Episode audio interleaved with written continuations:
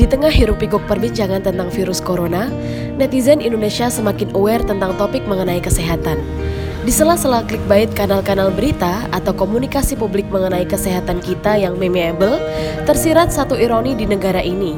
Ya, penanganan pemerintah Indonesia bisa dibilang sangat buruk jika berkaitan dengan mutu kesehatan warganya. Dari segi statistik, Indonesia mendapat rapor kurang memuaskan dalam penanganan penyakit seperti TBC, malaria, demam berdarah, stunting atau kurang gizi, kematian bayi, dan juga terkait sarana atau prasarana yang menunjang mutu kesehatan warganya.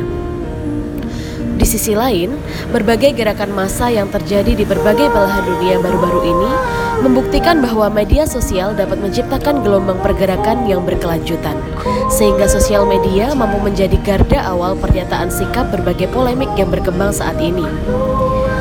Sekubi Project berupaya menggandeng berbagai lapisan masyarakat sipil dalam berbagai keresahan untuk kehidupan yang lebih baik, mengajak dan bekerja sama dengan berbagai komunitas, serta individu pegiat perkotaan pedesaan untuk menciptakan ruang merasa, sekaligus mempertanyakan kota Ponorogo bersama-sama.